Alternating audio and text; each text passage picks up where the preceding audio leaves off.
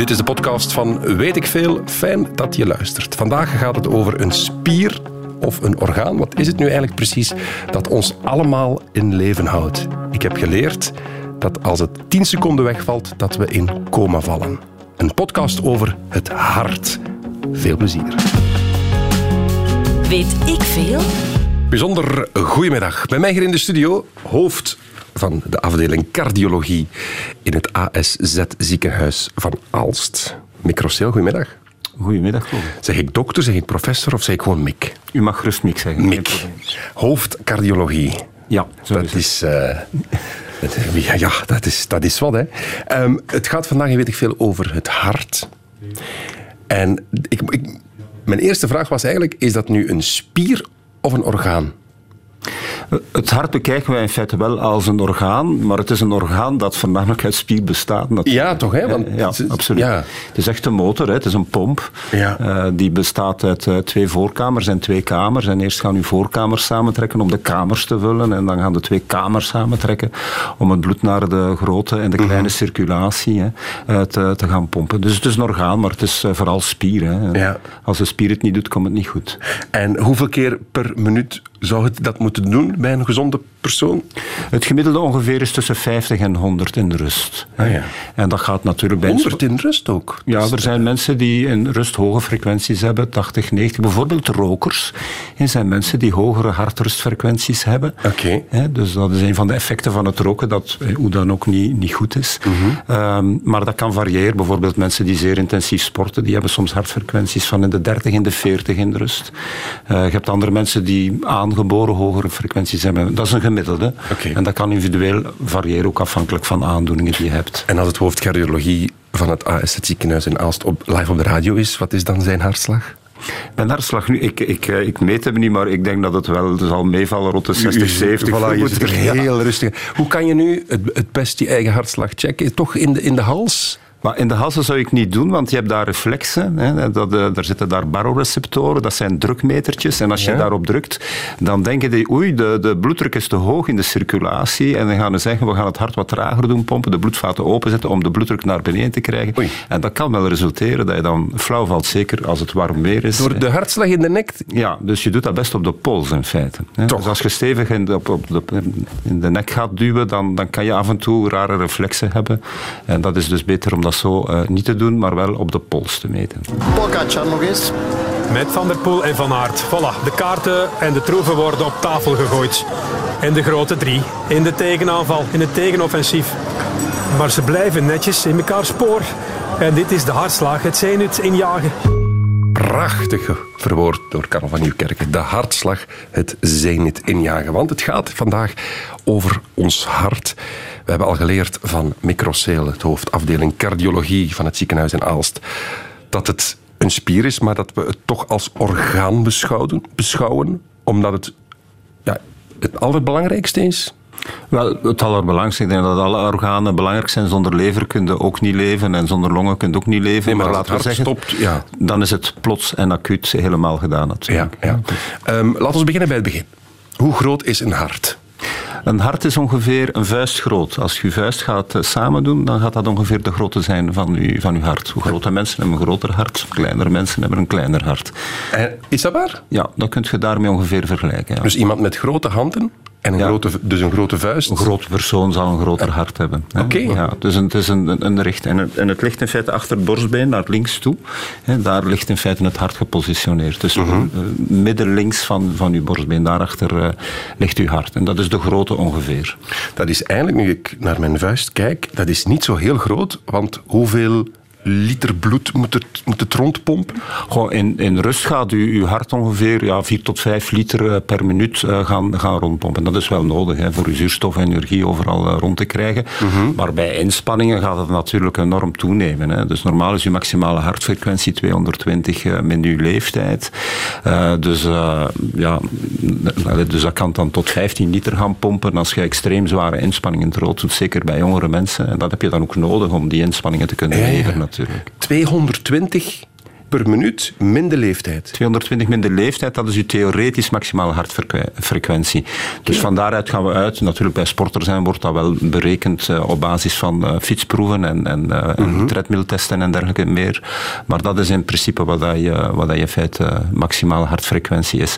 Maar dat is niet de hart, dan ben je anaerob bezig. Dus als je, als je sport of zo bijvoorbeeld, dan rekenen we dat uw, uw aerobe drempel op 80% van die, van die drempel zit. Ben je 70 jaar, dan heb je 150, neem daar 80% ja, ja. van. Dan zit je aan 130 en dat is een beetje de hartfrequentie waar dat je dan op kan gaan trainen of waaronder dat je blijft. Gaat je bergop rijden, gaan fietsen of je gaat bergop lopen of intensiever, dan ga je daar uiteraard boven gaan. Mm -hmm. En dan ga je anaeroop gaan en dan ga je ook zien dat je op dat moment sneller gaat beginnen ademen. En je ziet dat typisch bij de wielertouristen bijvoorbeeld, die stoppen met praten op dat moment. dat het gewoon niet meer gaat. Het gaat niet meer. Ze rijden te snel en dan wordt er niet meer gebabbeld. Ja. Ze rijden achter elkaar in plaats naast ja, elkaar. Ja, ja, ja, ja, ja. Op, op een lint, zoals dat Op een lint, ja. ja, ja. Um, dus ik ben 41 220 min 41 is 179, als ik goed geteld ja, heb. Ja, ja. Maar ik kan in principe mijn hart wel forceren tot boven de 200 nog altijd. Of, of nee, gaat... dat, zal, dat ga je niet lukken. Als je ah, ouder okay. nee, dat ga je niet lukken. En trouwens, om die 180 te bereiken in jouw geval, je ziet er natuurlijk zeer sterk getraind uit. Oh. Dus dat zal allicht wel gaan, maar je gaat toch moeten trainen om dat te kunnen bereiken. Als je niet getraind bent, dan kan je die maximale hartfrequenties niet halen. Dus Ah. je moet echt wel sporten om, om, om dat te doen. Je moet niet sporten voor je gezondheid, je moet vooral bewegen. Uh, maar als je die maximale hartfrequenties bereikt, dan zal je wel moeten gaan sporten. Dat is interessant. Je moet niet sporten voor de gezondheid. Nee, voor, u, voor, u, voor uw algemene gezondheid en, en voor uw hart is het enorm belangrijk om te bewegen. Dus hè? wandelen, gewoon bezig Wandelen, zijn. fietsen, uw boodschappen te voet doen, dat is heel belangrijk. Uw 10.000 stappen per dag bijvoorbeeld is iets dat heel nuttig is. Hè? Maar als je heel de dag in de studio zit, dan heb je natuurlijk weinig bewogen. Sporten is uiteraard ook heel goed en kan enorm aanzetten tot bewegen. Zeker als je breed mm -hmm. zittend beroep hebt, dus daar raden we zeer sterk aan. Maar het is zo dat uh, sporten, als je, zeker als je dat zeer intensief gaat doen, dat dat in principe iets is dat eerder ongezond dan gezond is. Maar dan spreek ik over zeer intensief sporten. Dus mensen die drie keer de Mont Ventoux gaan opfietsen, dat is in feite voor je gezondheid niet altijd Ah, oké. een goed idee Maar- om dat te gaan doen. Maar elke week gaan fietsen in groep en op een haalbaar niveau, dat is dan wel... Uiteraard. Ja, ja, dat is iets dat we absoluut aanraden. Maar wat dat wel voor sport zijn er wel een aantal zaken dat je moet weten. Je, je gaat pas gaan een trainingseffect beginnen hebben als je drie keer per week gaat sporten per week. Ga je één keer per week sporten, zal je elke week afzien. Ga je naar drie keer en meer gaan, dan ga je er op de duur meer plezier van hebben. Dus je moet dat in feite wel frequent doen. En ten tweede moet je dat ook gaan opbouwen. Hè. Dus je moet rustig beginnen en heel geleidelijk opbouwen. Als je kijkt bijvoorbeeld naar de topwielrenners, als die plat liggen, als die stil liggen door een kwetsuur of wat dan ook, die hebben zes maanden nodig in feite om terug helemaal top te zijn. Hè. En veel mensen bij ons denken van, ja, ik ga beginnen sporten en na drie keer het gaat niet vooruit. Allee, hoe komt dat niet? Je moet dat opbouwen. Je moet dat regelmatig doen. Je moet heel rustig beginnen. Je moet aeroop gaan. En dan ga je geleidelijk omhoog gaan. En dan ga je daar wel plezier in hebben. En echt je tijd nemen om dat op te bouwen. En ook, we hoeven niet allemaal topatleten te zijn. Hè? Is het verstandig om je in te schrijven eh, begin maart voor de Antwerp 10 Miles die, in half, die half april wordt georganiseerd? Op, op anderhalve maand zo'n inspanning doen? Is Dat dat, zou ik afraden, dat zou ik niet doen. Niet doen. Tenzij dat je van nature uit heel sportief bent en dat je andere sporten Is dat- dan kan je dat uiteraard wel aan. is dan zo'n inspanning echt slecht voor het hart? Ja, wel, laten we zeggen, er, wat zijn nu de gevaren van dat sp- sporten? Zijn we absoluut voor, hè, voor alle duidelijkheid. ja, ja. Dus het is niet dat we dat afraden. Het is alleen dat intensief sporten in feite dat je daarmee moet opletten. Er zijn een aantal gevaren. Het een is eh, oververhitting. Hè. Dus mensen die in de volle zon 35 graden nu zwaar gaan sporten, kan je hyperthermie doen. Je temperatuur die te hoog wordt, dat is wel een groot probleem. Wat gebeurt er bij hyperthermie? Je gaat dat zeker al gezien hebben. Dat zijn die mensen die beginnen te bibberen. Die, die komen aan de aankomst bij die frissons. Ja. Dat is alsof dat ze koorts hebben.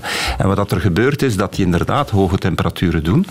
Op dat moment gaat uw barrière in uw darm, uw darmbarrière, die gaat niet meer werken bij hoge temperatuur. En uw darmbacteriën gaan in feite in uw bloed terechtkomen. En je doet in feite een soort acuut, wij noemen dat een acuut septische reacties. En dat leidt tot die frissons. En uw, Dat- en uw hart blijft pompen, dus die, die, je hart- die bacteriën worden ja, dan ja, door heel uw ja, ja, dus die gaan er zitten. Dat is niet gezond natuurlijk. Nee. Hè? Dus, niet, dus, dus dat is zeker iets waar dat je echt moet mee opletten. Naast het feit dat je allee, regelmatig dat traint en dergelijke. Maar dus die hyperthermie hypothermie is niet goed. Het tweede grote probleem is dat mensen vaak niet goed hydrateren. Als je sport moet je hydrateren. Je moet in feite blijven plassen bij het sporten en je urine moet lichtgeel zijn. Als je niet plast of je hebt heel donkergele urine, dan is dat niet goed. En zeker bij zware en intensieve inspanningen kan dat leiden tot spierafbraak en problemen met de nieren en dergelijke zaken. Uh Zeker als je daar extreem in gaat. Dus dat is ook iets dat heel belangrijk is. En dan, dan een, een, een derde probleem dat we... Uh, alleen, een, een, derde probleem dat we heel vaak zien bij zeer intensief sporten. Uh, en dat heeft te maken ook met de problematiek van plotse dood die er bij sporters is. Dat is doordat je in feite zo intensief en zo diep gaat. Zeker bij prosporters kan dat een probleem, kan dat een probleem zijn. Dat is in feite dat die druk en die kleine circulatie, dat die daardoor altijd gaat stijgen en dat die op de duur een, een, een zekere aantasting van uw hart gaat veroorzaken. En die aantasting van het, van het hart, uh, die kan dan in feite eventueel een risicofactor zijn voor plots overlijden. Ja, dit doet mij ongelooflijk denken aan dit moment op het uh, EK of WK, ik ben het even kwijt, voetbal. Als er nog ruimte is, moet die passing beter. Oh, wat gebeurt daar? Wat gebeurt daar?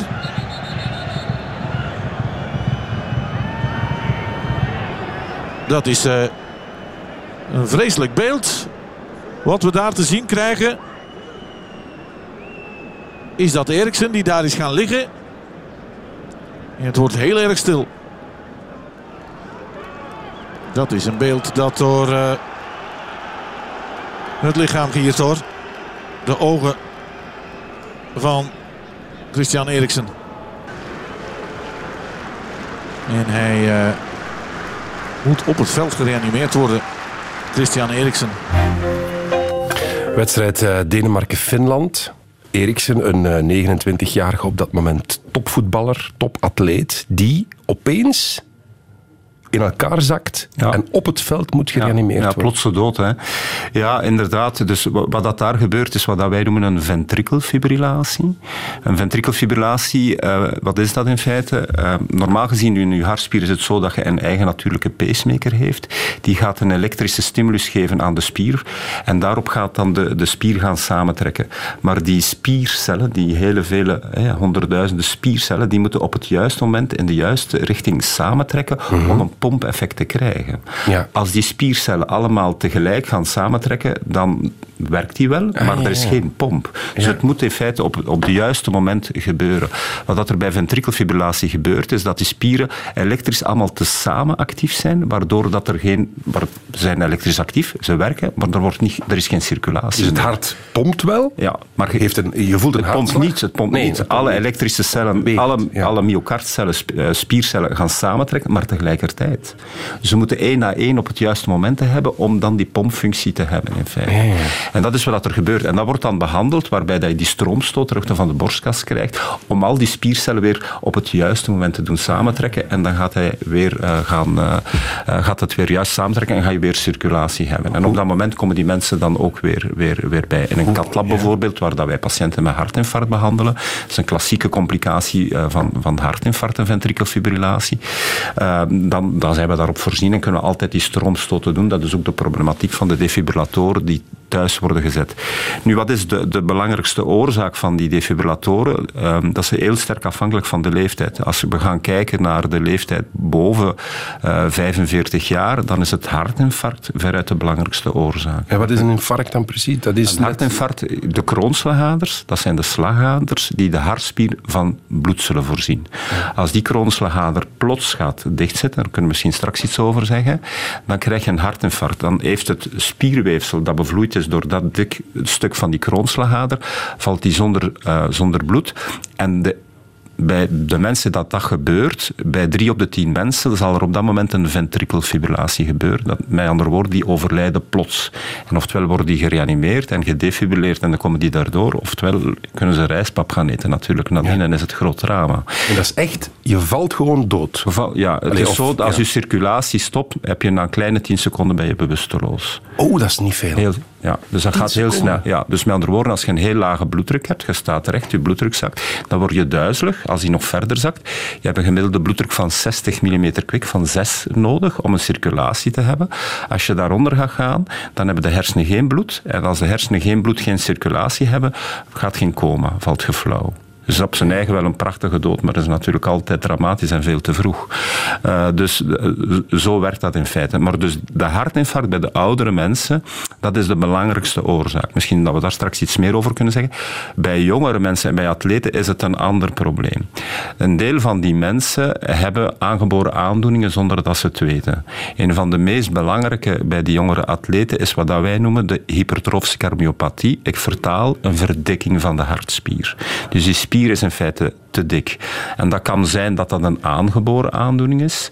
Uh, dat kan zijn dat dat ook uh, secundair ontstaat door te veel te sporten, bijvoorbeeld. Te veel? Te veel, als je te veel sport, en voornamelijk die sporten die met enorme druk gaan, de krachtsporten in feite geven dat nog meer. Wielrennen is in feite een sport die gemengd kracht en gemengd uithouding is. Het is wel een belastende sport voor het hart, wielrennen. We doen ook zeer intensieve uh, inspanningen.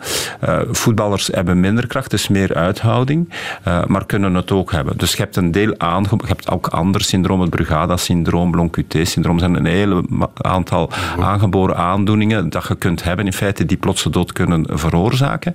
Het tweede probleem, en daar wordt nu heel veel uh, onderzoek op gedaan, is in feite dat je toch een soort aangeboren een van de aandoeningen die je kan hebben is in feite dat ter hoogte van de rechterkamer uh, van het hart in feite dat er een focus, een elektrische focus ontstaat die plots begint te vuren en die die ventrikelfibrillatie, die plotse dood zal veroorzaken. Dat kan dus aangeboren zijn. plots beginnen vuren? Wat, wat, wat, bedoel je daarmee? Daar bedoelen we dat er daar een elektrische activiteit is, niet ter hoogte van de natuurlijke pacemaker, maar verderop in het hart. En die wordt ineens enorm actief en die gaat alle andere hartcellen gaan aansteken, waardoor dat ze weer door elkaar gaan, gaan uh, mm -hmm. beginnen samentrekken en dan krijg je die, die plotse dood. Maar gaat ervan uit bij intensief sporten, dat het mogelijk is dat je ook een dergelijke reactie gaat krijgen. Dat je hartspier begint te verdikken, dat die elektrisch actief wordt op een manier dat ze niet actief moet zijn en dat die op die manier die focus en die ventrikelfibrillatie zou kunnen veroorzaken. Daar wordt nu heel veel research op gedaan. Maar voor alle duidelijkheid, mensen die nu op de fiets zitten en een beetje aan het sporten zijn, die gaan waarschijnlijk niet nee, onmiddellijk... Nee, nee, nee. nee, Het, is, het is trouwens zo dat in feite globaal de, de frequentie van plots overlijden eerder afneemt dan toeneemt. Hè. Okay. Dus dan kunnen we de mensen in geruststellen, komt wel meer in het nieuws natuurlijk. Heftig wel, hè? Zo. Absoluut. Shit. Absoluut. Binnen de tien seconden ben je gewoon... Ja. Ja, het licht gaat uit en het is gepasseerd in feite. Je hebt een... Als je nu daarnet op de VRT bent binnengekomen, scan je dan waar de defibrillator hangt? Of nee? Ik heb hem niet tegengekomen. Hij is hier hoor. Ja, hij zal er zeker We zijn. gaan even zoeken. We gaan even zoeken. Maar ondertussen luisteren we naar Massive Attack.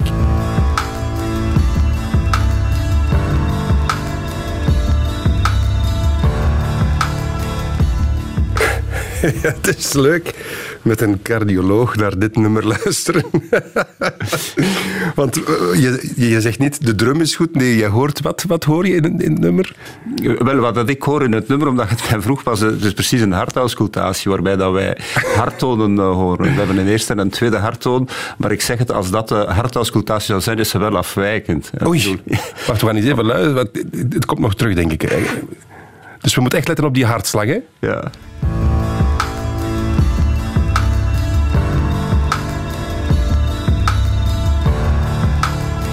En er is een af, dit is een afwijking. Het is niet, dit is niet goed. Volgens mij zou, het lijkt er bij een derde en een vierde harttoon. En we noemen dat een galopritme en dat zie je bij hartfalen. Maar dat is trouwens technisch. En als we een geruis horen, dan heb je waarschijnlijk een klepafwijking. Ja, dat is, dat is een vinylplaat in de muziek. Ja. Ja, ja, ja. Schitterend. Met een cardioloog naar Massive Attack luisteren. Je leert van alles bij. Het gaat en weet ik veel over het hart. Het ging net al over wielrenners. Wel, deze week dit bericht afgelopen Belgisch kampioenschap kreeg ik in de koers hart, hartritmestoornissen. Ik had het in de koers uh, niet opgemerkt, uh, specifiek aan het gevoel, maar, maar ik had het wel op mijn, op mijn computer gelezen. Ik heb toen wel op controle geweest. De MRI gaf iets anders aan en dat, was, dat liet een weefsel op mijn hart. Dat is definitief, ehm, dat kan niet opgelost worden en het was dus meteen einde verhaal. Vreselijk verhaal, Sepp van Marken, profielrenner die eigenlijk denk ik ervoor niks voelt. Ja. En dan opeens ja. iets en moet stoppen. Ja, ja ik, ik, ik weet niet wat dat... Ik ken de case, ik, ik, ik ken de case helemaal niet, maar allee, dat is de klassieke discussie die we bij veel sporters, allee, bij, zeker bij uh, professionele en zeer intensieve sporters zien. Dat is dat de ritmestoornissen worden gedaan. En waar gaat het dan altijd om? Ja, het risico om plotse dood inschatten, hè, waar we het er juist ook over hadden. Als hij nu blijft koersen, is er dan een garantie dat er iets gaat gebeuren? Nee, het is een, kan zijn, het is een het is, loterij. het is een risico. Ja. Het is een risico en wij doen aan risico-inschatting. We zeggen dat is uw risico. Maar ja, bedoel, de, de prijs natuurlijk eh, is zo groot. Allee, de, de price to pay is zo groot. En je riskeert je leven natuurlijk dat je dat bijna niet kan doen. En wat er vaak gebeurt is dat we dan MRI-onderzoeken doen. Dat zijn speciale scanners in feite waar dat we littekenweefsel gaan opsporen ter hoogte eh, van die hartspier. En dat is wat ik daar juist ook zei, die focus. Hè, dat is in feite dat littekenweefsel. En als we zien dat dat op bepaalde plaatsen duidelijk aanwezig is, dan is er een risico op plotse dood. Zeker gecombineerd met bijvoorbeeld een verdikking van hartspier en ritmestoornis. Oké. Genoeg over sporters, want ook mensen die niet sporten hebben een hart uiteraard en dat moet pompen. We hebben al geleerd dat dat per minuut zo'n 4 à 5 liter rond het lichaam pompt, wat, wat best veel is. Ehm, en dat jaren aan een stuk. Ja, ja, absoluut. Er is geen enkele motor die, die dat kan. Hè. Bedoel, Nee, nee. 100 jaar lang uh, Dat is waanzin blijf toch? maar gaan. Ja, Enig absoluut. idee hoeveel hartslagen je in je leven... Goh, ik zou het moeten berekenen. Ik weet het niet, maar het is Als je extreem veel. begint na te denken. Ja, absoluut. En Zonder vidange. wat is een vidange? Uw olie van uw motor. Ah. Wat een- Welkom bij Weet ik veel over automechanica ondertussen. Nee, eh Mick, eh, allee, gaat het hart zich dan... Zijn dat altijd nieuwe cellen of is, is, dat, blijft dat orgaan dat orgaan? Want Dat het orgaan blijft dat orgaan, maar het is wel zo dat er enige regeneratie is ook van het hart mogelijk. er zijn anders? organen die dat niet hebben, bijvoorbeeld de hersenen, die regenereren zo goed als niet. Het, het hart kan regenereren, maar beperkt. Hè. Dus met andere woorden, als je eh, een hartinfarct doet, waarbij dat een stuk van die hartspier afsterft, eh, als dat lang genoeg zonder zuurstof, zonder bloed heeft gezeten, is dat definitief afgestorven en is dat een litteken. Ah, ja. Wordt trouwens met heel veel research gedaan, eh, met stamcelonderzoek, eh, waarbij dat die, die stamcellen worden ingebracht ter hoogte van het littekenweefsel in de hoop dat dat opnieuw terug gaat beginnen samentrekken. Ah, want een, een gewone spier herstelt zich wel, hè? Absoluut. Geneest. Het hart kan niet gen of in Nee, het hart, mate het hart is wat dat betreft, eh, kan een stuk herstellen, wel, maar beperkt. Hè. Gelijk de hersen is nog meer beperkt. De lever bijvoorbeeld is een orgaan dat teruggroeit. Hè. Dus dat is afhankelijk van orgaan tot eh, orgaan. Maar eh, van, als je echt een, een infarct doet en er is, het heeft langdurig zonder zuurstof gezeten, dan sterft het af en dan, dan is het zo. Maar het hangt ook af van het mechanisme. Je hebt bijvoorbeeld bepaalde vormen van hartfalen. Bijvoorbeeld mensen die heel veel alcohol drinken, die kunnen een verzwakking van de hartspier doen en hartfalen ontwikkelen. En dat kan wel, als je stopt met drinken, kan dat wel bijvoorbeeld recupereren. Ah, ja. En dat zich dan herstelt. Dus ook afhankelijk van hoeveel heb je gedronken, hoe lang, hoe hoog is de dosis geweest, eh, heb je nog een bijkomende aanleg, eh, erfelijk, of, of heb je ook nog hoge bloeddruk en cholesterol, diabetes. Dat speelt daar allemaal wel een rol in. Dus in die gevallen heb je, kan je wel zeker een herstel hebben als je je levenswijze gaat aanpassen. Maar in andere gevallen is dat bijvoorbeeld niet. Maar het is wel grappig, want allee, het is niet grappig. Als je die, die hartspier kijkt en die sterft af, dan zijn we bezig met dat stamcelonderzoek om dat opnieuw te sa doen samentrekken. En wat was het pro- grote probleem bij het stamcelonderzoek dat we hadden? Als we die stamcellen inbrachten, en dat is bij, bij beperkte studies van patiënten gebeurd, in dat doodweefsel hebben we dat ingebracht, dan zagen we inderdaad dat daar opnieuw hartspier begon in te groeien. Onvoorstelbaar. We dachten, ja, we zijn er helemaal. Ja. Maar wat gebeurde er? Wat gebeurde er? Die, die spiercellen die zich ontwikkelen, die werden elektrisch actief, maar ook weer op de verkeerde wijze en op het verkeerde tijdschrift en gaven ventrikelfibrillatie. En die mensen hadden een hoger risico plotse dood. Dus dat onderzoek is nog altijd bezig, gaat vooruit, maar is voorlopig toch geparkeerd en blijft echt wel researchmatig. Dus we zitten vaak met die focus en dat risico op plotse dood en dergelijke zaken. Komt er een dag dat wij een nieuw hart kunnen bestellen met stamcellen dat dan in een labo gecreëerd wordt en dat dan dat nieuwe hart op, mijn 75 wordt ingeplant, dat ik terug de fysiek heb van een, een jong veulen? Misschien wel, maar ik, denk, ik zie dat niet op kortere termijn gebeuren. Wat dat, wat, dat er, wat dat betreft zich eh, voornamelijk... Er zijn te weinig donorharten, hè, omdat we gelukkig minder verkeersongevallen hebben.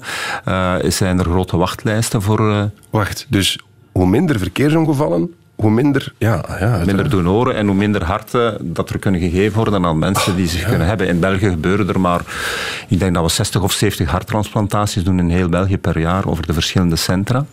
Eh, dus dat is heel, heel weinig. Dus er zijn veel mensen die aan het, eh, aan, het, aan het wachten zijn. En daar wordt nu eh, vooral in de praktijk gewerkt dan met mechanische harten in feite. Dat we gaan Die doen. pacemaker?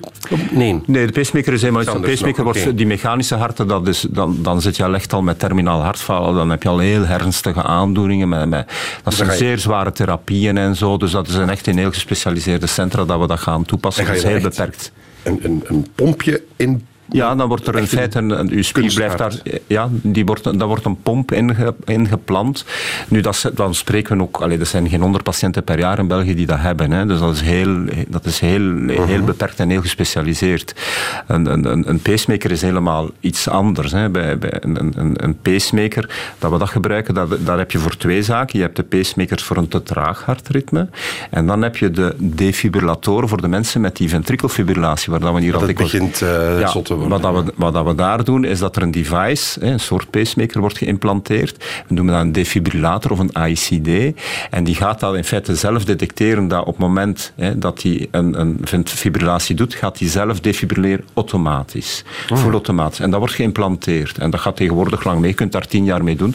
En als er mensen zijn, bijvoorbeeld een sporter of iemand die een hartinfarct heeft gedaan, en op basis van criteria kunnen wij zeggen, die heeft echt wel een hoog risico dat hij eh, gaat een ventrikelfibrillatie, risico plotse dood doen, dan kunnen we een defibrillator gaan implanteren bij die persoon. Of hij heeft het al gedaan, dan zal hij een defibrillator krijgen om hem te beschermen in de, in de komst, toekomst daarvoor. Vraag je in de marge, als je zoiets hebt ingeplant gekregen en je gaat door de scanner op de luchthaven, kan dat dan storing geven? Nee, die, die, die, Dat is die- zo'n mythe, hè, dat je dan zo, dat dat ja. begint te flippen. Wel, normaal zeggen wij altijd, als je kan langs gaan, ga langs. Maar die toestellen zijn daar wel op vo- voorzien. Hè. Dus je moet voornamelijk de magnetische velden met die pacemakers en die Ja. devices eh, moet je mijden. Dus wat dat wij zeggen is, probeer langs. Gaat het niet? Oké, gaat er gewoon door. Je gaat geen problemen. Er zijn backup pacemakers en instellingen in die toestellingen voorzien. Dus je gaat geen problemen, problemen hebben. Eh, beste Mick, ehm, er zijn wat vragen van luisteraars. Zullen we op de spontane boef zoiets... eh, Absoluut. Mag ik het u voorleggen? Martin Joos. Vorige week meldde mijn smartwatch dat mijn hartslag s'nachts daalde naar 45 slagen per minuut. Moet ik mij zorgen maken of zijn die watches niet accuraat? Dat zijn eigenlijk twee vragen. Hè? Ja. Moet je je zorgen maken als je zakt naar 45 slagen per minuut als je slaapt? Daar, het antwoord erop is nee. Nee. Dus s'nachts zakt uw hartfrequentie en dat kan, we zien dat heel vaak dat dat onder de 50 gaat. Dat kan geen kwaad. Wat is de laagste hartslag dat je in je carrière ooit bent tegengekomen? Dat je dacht van, hè?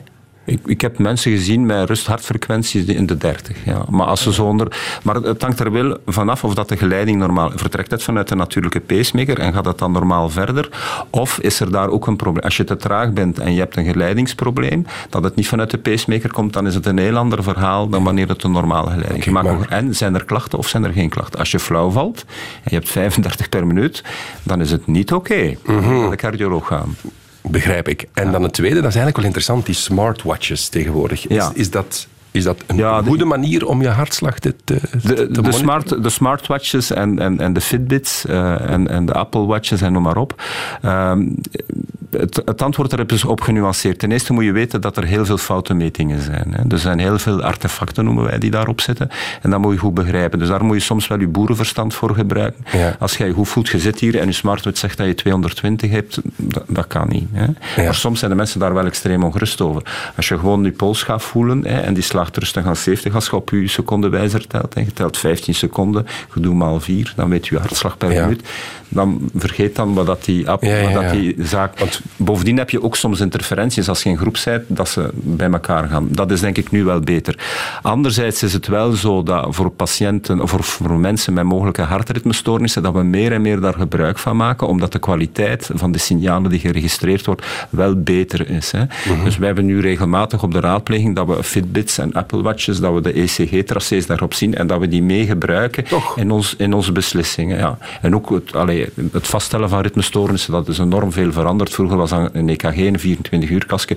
Nu gebruiken we die horloges. We hebben chips dat we implanteren om de mensen thuis te volgen. Dus daar is heel veel technologie die, die verandert. Want hoe, hoe, doet- hoe doet zo'n Apple Watch dat? Is dat ik heb mij Ze hebben een sensor, denk ik, aan de binnenkant, hè, die, Ah, ja. die daar gaat. En, en zij maken gebruik van algoritmes op basis van megadata die zij hebben. ja, ja. ja. Eh, nog een vraag van Sarita van Michem. Bedankt eigenlijk, eh, luisteraars, om dat door te sturen. Via de Radio 1-app kan dat en dan komt dat bij ons terecht. Ehm, Sarita stuurt over plotse dood een hartaderbreuk. Dus aanhalingstekens, bestaat toch eigenlijk niet, hè? Vraagteken. Ja, dat is in feite een van de... Inderdaad, medisch gezien, een hartaderbreuk bestaat niet. Het is niet fysiek dat die, dat die hartslagader gewoon loskomt van het hart. Ik Nee. zal dat eens proberen uit te leggen en, en misschien is dan die mythe de wereld uitgeholpen. Je hebt enerzijds, als je hart samentrekt, dan gaat je bloed naar de aorta, de hoofdslagader. En wat dat je kan hebben is in feite dat die scheurt, een dissectie doet. Hè. Dat is meestal als die uitgezet is. Als dat in de borstkas is, is dat vaak ook wel aangeboren aanleg die, die, die, die die je hebt. Dat gaat meestal niet leiden tot plots overlijden, maar dat gaat een enorme pijn geven tussen de schouderbladen op de borst. Die mensen gaan echt niet goed zijn en dan moet je heel snel optreden, heel snel naar het ziekenhuis gaan en die moeten geopereerd worden. En dat is letterlijk een scheurtje. Dat is een scheur in die, in die Dus het bloed wordt... Nee, dat, dat blijft dan, ja, als, een, dan, als het er volledig uitkomt, is het een ruptuur, dan is het natuurlijk onmiddellijk gedaan. Maar dan de, de plotse dood, en wat dat de mensen zegt een, een, een, een hartaderbreuk, wat is dat in feite? Als je aderverkalking krijgt, hè, dus de, een ader, dat is van de slagaders, dus dat is zuurstofrijk bloed dat onder hoogdruk weggaat, dat pulseert. Hè. Als het teruggaat, dat zijn de aders die oppervlakkig liggen, dat is een lage druk, dat gaat terug naar het hart, dat is zuurstofarm bloed. Maar dus we spreken eh, over die, die, die, die, die, die kroonslagaders. Daar in die, en in die slagaders, daar kan er aderverkalking ontstaan. En aderverkalking, dat is in feite een neerslag van cholesterol, daar is het woord, Nee. ter hoogte van die slagaders. En dat, wij noemen dat plakkes. Dat is in feite een, een, plakken is een soort neerslag ter hoogte van, van die slagader, lagaderwand die je kan gaan krijgen. En dat kan bij ouder te worden, ga je dat altijd wel een beetje te hebben. Dat is een deel een verouderingsverschijnsel, maar bij andere mensen is het veel meer uitgesproken. En dat kan zich zo opstapelen dat het echt vernauwt en zelfs... Er zijn twee mechanismen waarop dat het werkt. Oftewel ga je een plakken hebben zonder dat er vernauwing is, daar ga je niks van merken. Als het echt zwaar vernauwd is, dan ga je dat merken in je kroonslagader. Gaat er dan bij inspanning heb je meer bloed nodig, dat gaat niet. En dat uitzicht Ja. dan door een druk op de borst. Mensen noemen dat een angine de poitrine, angina pectoris. Hè. En die moeten dan vroeger zo'n pilken onder de tong leggen en zo. Nu worden daar stenten voor gestoken. Maar dat is als het echt al zwaar vernauwd is, als het, als het verder geëvolueerd is. Maar je kunt ook gewoon een plakken hebben. Je gaat dat niet voelen. De vernauwing is misschien 10%, dat is minimaal. Maar wat is nu het grote probleem met die plakkes en die, in die kroonslagaders, maar dat kan ook ter hoogte van je hoofd gebeuren daar, dat is dat die kunnen ruptureren. Dus die, die cholesterol die daar is neergeslagen, daar is een, een, een weefsel over gegroeid. Maar dus op een bepaald moment kan er een ruptuur van zo'n plakken ontstaan en dan komt die kern van cholesterol komt in contact met de bloedbaan. Ja? En wat dat je dan krijgt, is hetzelfde als je je snijdt. Dan bloedt dat, dan gaat de klonter krijgen. Gaat die klonter zien. Hetzelfde gebeurt in de bloedbaan. Een klonter bedoel je, het is het Klonter. korsje. Het korsje. Ja, Ja. Ah, maar eerst stolt dat bloed. Hè. En dan ja. krijg je een klonter en daarna. Hetzelfde gebeurt in de bloedbaan. Maar dat gebeurt plots. Dus je krijgt een ruptuur van die plakken, die cholesterol komt met bloed en er vormt zich een klonter. Die klonter zal de kroonslagader afsluiten. Dat gebeurt op 20, 30 seconden tijd. Dat is plots. Ja? En die afsluiting van de kroonslagader die gaat het hartinfarct in feite veroorzaken. Hè? En 30, 25, 30 procent van de mensen zal die ventrikelfibrillatie en die plotse dood doen. Die worden dan dringend naar het ziekenhuis gebracht. Of ze worden gereanimeerd en dan naar het ziekenhuis gebracht. En dan gaan wij, dat is, als ik van wacht ben, dan doe ik dat een keer of vier, vijf per week, gaan wij die kroonslagaders dringend terug openmaken. Maar dus de vraag is natuurlijk, als je die plakkes hebt, want die voel je niet, die geven geen vernauwing in feite, wat kan je eraan doen om, om te voorkomen dat ze ruptureren? En dan zitten we, je hebt de cholesterol die ze veroorzaakt, en dan zitten we bij het roken. Want dus een van de belangrijkste zaken om een plakkenruptuur te veroorzaken, is in feite tabagisme. En daar is er een, in feite, ik was op dat congres, dat is een congres denk ik een jaar of 15 geleden, misschien zelfs iets langer in de States. En eh, daar waren daar een paar eh, cardiologen van een stadje zo groot als Aalst, van 100.000 inwoners. En eh, ze hadden in dat stadje een beslissing genomen dat er nergens niemendal mocht gerookt nog worden. Nog thuis, nog openbaar, niks. Dat was daar een lokaal ziekenhuis. En in dat ziekenhuis zagen ze het, op het moment dat dat, besloot, dat, dat, dat besluit genomen was, dat in feite na een maand of drie een aantal hartinfarcten, een aantal beroertes, hè, dus hetzelfde maar in de hersenen dan, en het aantal plots overlijden halveerde. Na drie maanden. Na drie maanden was er een halvering daarvan. Die gasten zeggen, dat is toch wel straf in feite. We gaan een keer kijken naar een vergelijkbaar stadje. Hè, hoe dat, dat daar gegaan is. Ze hebben een vergelijkbaar stadje gevonden. Daar was die maatregel van het roken niet genomen. En die hadden geen halvering. Dan, zoals dat in de Verenigde Staten gaat, gaat men naar het Hoge Rechtshof. Die heeft gezegd, beperking van de vrijheid. Er mocht er gerookt worden. Vlam, terug Na drie maanden terug een verdubbeling van de aantal. En dat is heel de discussie van het passief roken en van het roken. Dus als we hier zouden roken, elke keer als je een sigaret inhaleert, komt uw nicotine in uw bloed. En als je plakkers hebt, kunnen die plakkers gaan ruptureren en een hartinfarct, plotse dood, beroerte veroorzaken. En daar is een van, dat is een mechanisme dat heel goed moet verstaan. Dus als je iets wilt doen voor je gezondheid, op het moment dat je stopt met roken, gaat je kans, niet alleen voor kanker, want daar is het ook desastreus voor, maar gaat je kans op een, op een hartinfarct, een, een, een beroerte en plotse dood, halveren na één maand. Het is nieuw voor mij. Uiteraard de link met longkanker en, en roken, maar, maar ook echt met hartfalen. En, met, en ook plotse ja, dood. Plotse dood. Plotse dood. Plotse dood en beroerte is een enorme grote link met roken. En als we, daarom dat wij zo voor pleiten voor rookstop en ook voor passief roken. En wij, als we zeggen rookstop, dan is het voor ons nada, niks, nul. Elke sigaret is Russische roulette. -hmm. Oké. Waarvan akte? Mick, er komen heel veel vragen binnen. Dus uh, we raken wel iets aan bij de mensen. Uh, bijvoorbeeld iemand die zegt... Er is mij verteld dat ik een lekkende hartklep heb. Lekt mijn hart nu echt? Dat, dat, dat is een logische vraag, want je stelt je wel vragen bij die term, een lekkende klep. Ja, wel, we, hebben, we hebben eerst vier hartkleppen. En een lekkende hartklep is iets dat we in feite heel frequent zien. Ja. De vraag is alleen, uh, wat is het mechanisme en hoe ernstig is het lek? Hè? Dus, uh, de, wat, allez, en daar hangt het allemaal vanaf. Maar dus, daar worden gradaties gedaan van 1 tot 4 of 1 op 5, afhankelijk van de klep. Als je een, een, een gradatie hebt van 1 op 4, dan is dat echt minimaal. En dat hoeft dan niet altijd uh, veel afwijkend te betekenen.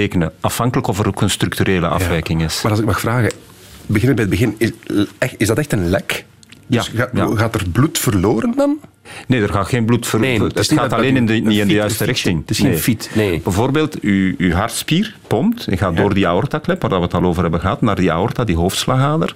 En dan, en wij noemen dat systole, het trekt samen, dan gaat dat naar daar. Dan gaat het hart ontspannen, die aortaklep gaat sluiten en de mitralisklep, waar dat het, long, het, het, het, het bloed van de longcirculatie komt, die gaat dan gaat er via daar bloed komen. Wat dat er in feite gebeurt op het moment dat je je hart samentrekt, die aortaklep die sluit niet volledig en er gaat van de aorta terug naar de linkerhartkamer ja, bloed trekken okay. of van de linkerkamer naar de longcirculatie dus. Dat, dat, dat, ja. Maar dat, natuurlijk, dan heb je een volume dat twee keer komt ter hoogte van het hart en dan krijgen we wat wij noemen een volumeoverbelasting van het hart dat, als het ernstig is, hartfalen kan geven.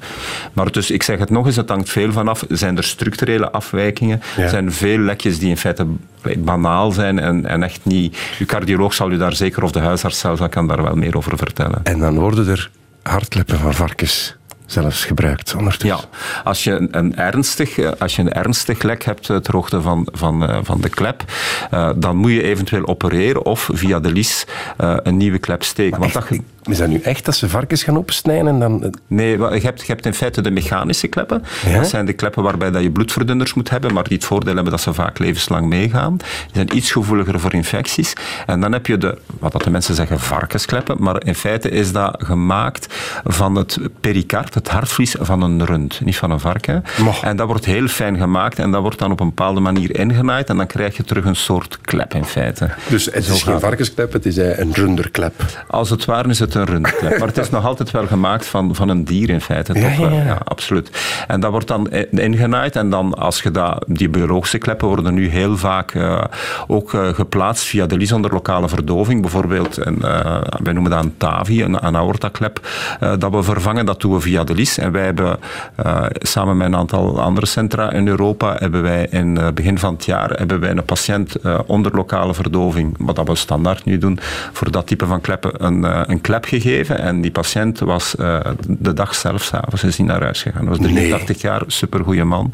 Ja, dus dat is heel dankbaar om te behandelen. Kent altijd zijn complicaties, kunt het ook niet bijdoen, maar wij gaan er toch vanuit dat we bij 5 à 10 procent van de mensen, dat we ze op, op termijn de dag zelf naar huis gaan kunnen laten gaan. De meerderheid gaat de dag nadien naar huis, ja. zonder operatie. Wow. Nochtans, mijn, uh, mijn goede vriend Frank Raas, hè, gepensioneerd ja. VRT-journalist, ja, is, is, is echt open gemaakt. Ja, maar het, dat wordt minder en minder gedaan? Dat wordt minder gedaan, maar dat vervangt dat niet helemaal. Je moet dat in feite geval per geval bekijken. Er zijn een heel aantal hartaandoeningen waarbij dat die klep via de lies niet mogelijk is en dat je moet opereren. En ook zeker bij jongeren. Het, borstbeen opensnijden, ja. en zo? Ja, dan wordt het borstbeen gaat open, maar in feite valt dat wel mee hoor. Dat is in feite geen Dat is zo'n pijnlijke Mick, operatie. Dat is toch beenhouwerij? Dat is toch echt met de zaag daarin Ja, maar open? Nee. Ja, absoluut. Maar de mensen die dat meemaken, alleen, dat valt heel goed Ja? mee. Dat is niet zo pijnlijk. Dus hebben we dan wel een dag of acht, negen in het ziekenhuis. Pas op, we doen ook minimaal invasieve operaties. Dat is chirurgen via kijkoperaties. We worden robotten gebruikt. Dus er zijn eindeloos veel technieken wat dat betreft. Ja. Dus dat is een heel ander speelveld. Maar de klassieke open hartoperaties zijn nog altijd een belangrijk deel en zijn ook soms noodzakelijk. Hè. Als je overbruggingen zit, plaatst en je moet aan de achterkant van je hart zijn, ja, dan ga je dat niet doen met een kijkoperatie of met een robot. Dan gaat je ja, het hart moeten stilleggen, het kantelen, die overbrugging plaatsen. En dat zal moeten gaan toch op, op die manier. Maar als je niet rookt en je cholesterol laag houdt en je beweegt veel en je sport wel, dan natuurlijk, en je gaat voor een mediterrane voeding, dan heb je weinig kans dat je overbruggingen nodig gaat hebben. Zo tapas met olijfolie en zo. Absoluut. Goed, hè? We moeten afronden, Stella. We hebben nog een minuutje, maar er komen wel wat vragen binnen over eh, dat roken, wat je daarnet hebt gezegd. Is even slecht? Absoluut. Ook dat is een soort verbrande olie. In feite, als je een, een, een band, een rubberen band in brand steekt, eh, en je ziet, dat is in feite een beetje wat je doet met vapen, dus dat is van de regen in de drop. Ook sigaretten of niet inhaleren, Allee, dat, die studies zijn allemaal gedaan, het is allemaal even slecht. Er is maar één oplossing, het gewoon niet doen. En, Mhm. Oké. Goed. Eh, nog heel snel, mijn smartwatch, vraagt Tom Jacob, mijn smart, smartwatch geeft HRV aan. Nog altijd geen idee wat dit juist zou zijn. Is wel iets met het hart. Kan je dat ja, heel snel hartritme, denk ik, HRV. Heart rate variability. Ah, dat- ja, wel, eh, ja, maar dat is in feite, een hartrate variabiliteit is een vrij technische vraag. Dat gaat over de autonome functie van het hart. Dus je hart wordt door je autonoom zenuwstelsel beïnvloed. En die variabiliteit daarvan geeft een, een, een, een idee over de functie daarvan. Maar ik weet niet of dat we daar snel... We hebben nog 15 seconden, dus dat, Nee, dat, dat kan jammer genoeg niet meer aan, eh, Nee. aan bod komen. Mag ik u ongelooflijk danken voor dit bijzonder interessante eh, uurtje radio. Beste graag gedaan. Dit was de podcast van Weet ik Veel over ons hart. Maar er is nog veel meer aanbod. Alles vind je terug op VRT Max. Weet ik veel?